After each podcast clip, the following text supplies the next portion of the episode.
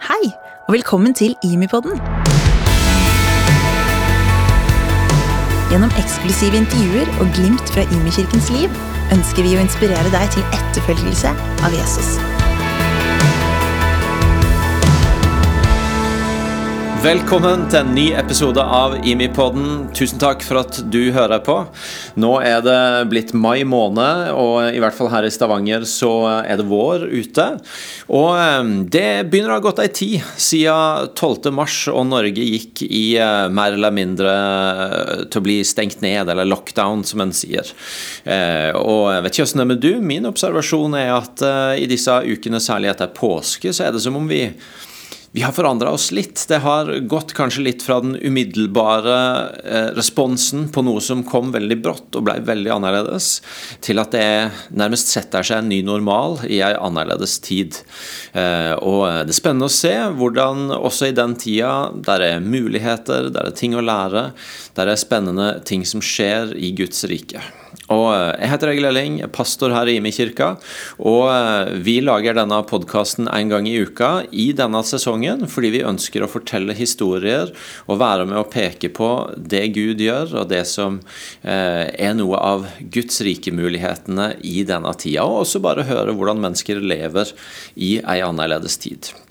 Noen ganger så har vi med oss gjester helt lokalt her fra Stavanger. Andre ganger tar vi reisen litt lenger ut i verden. Og denne uka skal vi reise langt. Eh, skulle vi reist med fly, hadde nok tatt et døgns tid. Vi skal til Filippinene og snakke med en god venn som heter Ariel Tenorio. Ariel, welcome to the EMIPod. Welcome everyone. A big hello from Philippines. So good to have you here. Hey, Ariel. I, I n- not everyone who listens to this, this podcast might know who you are, uh, but um, actually, me and my family we came and stayed with you and your church and uh, family for six weeks back in 2015 as we had our sabbatical in Los Baños on the Philippines. And for our listeners, I might mention that Ariel and Paul Yadao, it's a part of the same church, and so Paul has been here multiple times. But Ariel, since not everyone knows you that well, um, tell us a little bit about who you are, where you're staying, what you're up to. Yeah, I'm Pastor Ariel Tenorio from uh, Destiny Ministries International and I'm part of the senior leadership. And currently, my wife and I overseeing the four churches we planted here in the Philippines, and we are also starting a church in the Chiang Mai, uh, Thailand. Hmm. So, so that's what we're doing uh, currently, and uh, the Lord has been amazing and faithful to to us. And as I said, we we had a joy of uh, being with you five years ago for some weeks, and uh, and I know uh, Los Baños is really a beautiful place on the earth with hot springs, and we got to enjoy these things with you. You're it's a great place you're staying in, right?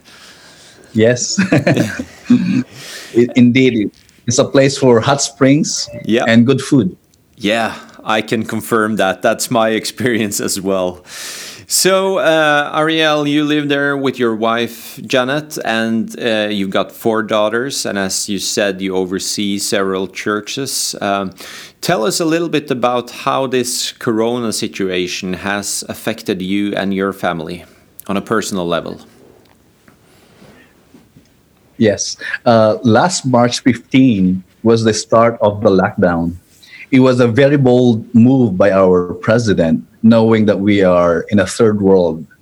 So it will be a challenge, especially for those who are working uh, daily earners. So when the when we had the lockdown last March 15, it changed our, our lives forever. It changed the whole country because it was very strict. So um, we are being put in a situation of what we call uh, sabbatical the whole country. we are on a Sabbath, for Sabbath, so to speak. And uh, at first, it created a lot of fear and um, uh, uncertainties. But again, because we have uh, a good God, we just have to align ourselves to His and listen to His heart. Yeah, and, and tell us a little bit more about the situation in the Philippines as well, because as you said, the whole country there, as uh, just as in Norway, has been in lockdown. How how hard has your nation been uh, hit by this virus at this point? Yeah. So you have to understand that we have almost 110 million population, hmm. and you try to lock down this more than 100 million. So it's it's tough, and uh, but we the our president needs to do this for us to uh, act quickly. So, and we at some at some point we, we could see that we are not really prepared, but we need to adjust with this uh, lockdown. And uh, since the lockdown up to now, we have more than nine thousand. It's nine thousand seven hundred uh, infected by coronavirus, but we have more than uh, one thousand recoveries and six hundred deaths. So in our in our town, we have uh, actually more than forty um, who got infected with the coronavirus. So there's a lot of people are in uh, in a difficult situation. No food. it's tough hmm. because there's no enough money for for those people are daily age uh, earner. So and that's why there's a lot of uh, effort done by Filipino communities helping out one another in order for us to survive this uh, situation we are in. Hmm. And thank you for sharing that. And I think it gives a, a good perspective for us Norwegians as well, because we're 5 million people going to lockdown. You're 110 people, and that's a different yeah. ball game altogether. Yeah. Um, but um, in, in this, as always but also in this we we say that we believe that small things done with kindness can change the world. And i know that's that's close to your heart as well. And in this season actually that has been a part of you and your family's response. And you've seen some beautiful things play out. Tell us a bit about how kindness has been a part of your response in these weeks Thank you for that, Egil. Actually, I'm being impacted by your book. I read that when you gave that to me last uh, February, uh, January. So our response with the lockdown as a family, we, the moment that we are being in, in lockdown, we had a, a soaking and prayer every night as a family, and just coming to the presence of God as a family, just allowing our hearts to be filled with this uh, peace and love and we heard afterwards, I, I think uh, bef- after the lockdown, few days after, we heard that there's a lot of students in our university that is being locked down. There's more than a thousand actually. So when we heard that, I just there's something uh, uh, stirred in my heart, and I just had the desire to cook food for them. And I asked my wife, "Can we just uh, cook?" Uh, I would like to cook meals for the students. And she just nudged and smiled. Okay, then we'll do that. But to be honest, uh, at that time, we don't have enough money to really feed them, you know. So it's it started with a desire. And a few, day, few days after, a friend of us came to our house and uh, handed a blessing. And I shared to him my desire to cook meals for the students. And he said, okay, I want to join you. And he, he sowed the first seed. He gave us a cash. Uh, I, I'm, I'm joining you. And in the, the same day, another friend who lives in the village also added the money, enough to feed almost a hundred of students. So that was the first. That was the first uh, um, seed. So the whole family prepared this food for the students, and we gave it to them. And afterwards, I posted that in Facebook for one reason, is to create an inspiration to many that we are not being overwhelmed with what's going on, but we wanted to create a picture of hope and good news. Hmm. And we are very surprised because we are not thinking of feeding them every day. We just wanted to at least feed them one time. And then after that post, a lot of friends responded and they wanted to join and participate. So then we, we uh, my family was thrusted into cooking ministry. So we've been doing uh, before. We're doing uh, every three days to feed these almost hundred students. Then uh, blessings keep coming, supports keep coming. So until we we did it uh, every day for uh, I think since three weeks, we, we've been doing uh, like three days in a week, four times in a week. And it's been uh, amazing. And it created this small act of kindness, loving without agenda, just blessing them, just loving them without hooks. It created something that's so beautiful. So, two weeks ago, I just asked our contact and I asked them, will it be possible to gather everyone that we're feeding after the lockdown? That was Thursday, and he she told me we can gather this coming Saturday. And I was so delighted to hear this that they're willing to meet. I said, "Come on, let's meet this coming Saturday." So as I delivered the, the food to them, and uh, we've gathered like almost uh, not everyone, but almost forty of the students and I shared to them why, what's the motivation doing this uh, cooking, and I just told them that we wanted you to experience home away from home, and they know that our food is not budgeted meal. I mean, I cook good food for them, really, like a special one. So, so when I shared the good news to them, and I challenge uh, salvation, majority of them raised their hands and received Jesus as their Lord and Savior. It was like I was so overwhelmed with the goodness of God, just looking at them, re- raising their hands, praying, uh, uh, receiving Jesus in their hearts. I was like, I'm just uh, uh, withholding my tears just looking at them because it's so beautiful. Hmm. And a small act of kindness could really create a ripple effect. It's really, really good. And the Lord is so good, and His name be glorified with this. Wow, that's an amazing story. Thanks you for sharing. We we've been having a little bit fun with each other. That you might write a book, "Great Meals Done with Love Change the World," might be your next book release. It's coming. it's coming. Yeah, you've started writing.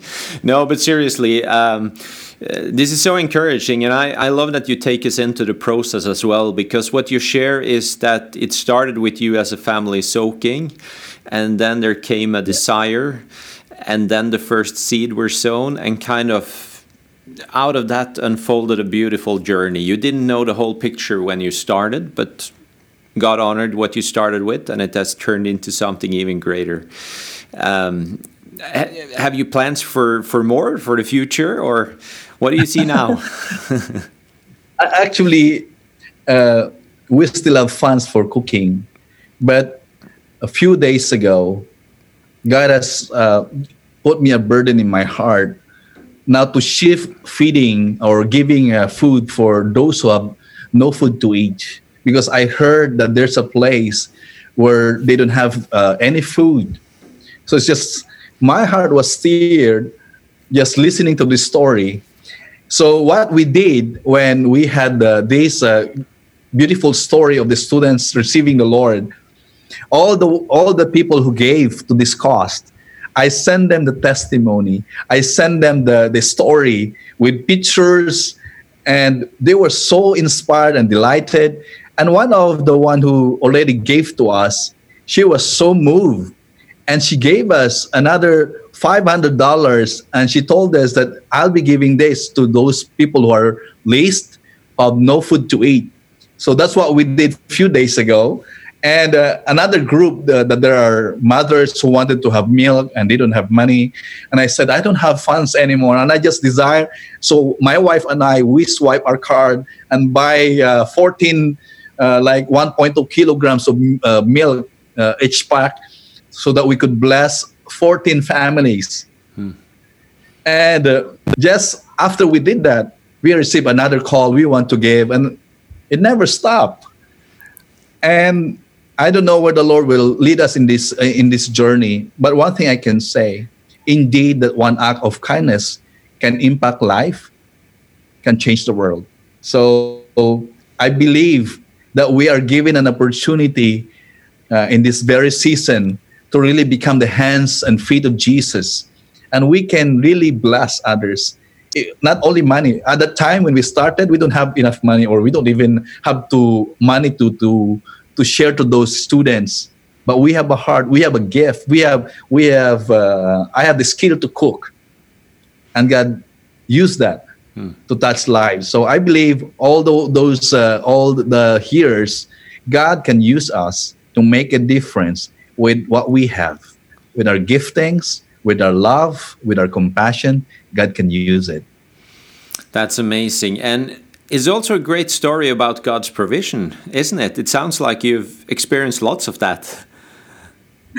Yeah, I, the, the beauty is this when we receive the blessing that it's for others, we are the first benefactor. We we are blessed to become a blessing. So every time I'm preparing food, my whole family is being blessed as well. So we are part of the blessing. So uh, since the lockdown, actually we never run out. Uh, the, the, there are people giving us rice, uh, some uh, meals. In uh, all this rice that they're giving us, we're, we're sowing it back to other people because we have more than enough. The Lord is good. Amazing. Ariel, thank you so much for sharing this. I wanted to last, ask you one last thing from going from kind of the the practical but still very spiritual perspective of uh, concrete acts of kindness uh, if you also were to look into kind of what you on a spiritual level see God doing or something you feel stirred to pray or uh, or, or focus on in this season, what what would that be? We are we have given a beautiful um, opportunity that this time being in lockdown is the best time that we can experience to really reflect, lean our hearts to His, because I believe that this season we are in is an opportunity to experience the love of God, the power of God, and uh, one I, I believe that faith is being awakened, love is being awakened. If this is the season for us to be prepared for the greatest awakening that we have never seen before worldwide, it's it's an awakening that starts from our home, from developing and growing a relationship as a family, coming into prayer. I fully believe that we will we're about to see the greatest move of the Holy Spirit that begins in our home. The revival that will take place in our home. We're about to explode. The enemy thought that he stopped us with our churches, but he never realized that churches actually starts from our home. Now, when the lockdown is finished, all of us on fire for Jesus will just explode. So I believe that what God is doing is a setup for us to move powerfully after the lockdown and uh, show His goodness to people. So let's prepare. This is the best time to prepare. Mm. So, practically speaking, um, not only in the spirit but also to prepare ourselves. We, we use our we use our time. Let's maximize our time to to equip ourselves. Uh, we can learn through online. We can listen to podcasts go deeper to the scripture and to to grow deeper. So mm. i think uh, we have given this opportunity in this season Wow. Thank you so much, Ariel, for sharing. It sounds like you're encouraging encourage us both to get deeper roots and to reach out with acts of kindness in this time. Uh, really great to talk to you. God bless you and your family, and thank you for joining us on this podcast. Thank you so much, Egil, for this opportunity. God bless to you, and uh, God bless you and to all the, the hearers. Thank you. God bless. Det var Ariel Tenorio, pastor på Filippinene og en god venn av huset gjennom Agenda 1 og relasjonen med Paul Yadao. Tusen takk for at du også har vært med oss eh, i dag. Vi er tilbake med en ny podkast neste uke. Minner om at du gjerne må følge oss på Facebook, på Instagram, Imi-kirken, eh, og på våre nettsider så finner du også de ukentlige ressursene vi lager for gudstjeneste i hjemmet. Inntil da, ha ei velsigna uke.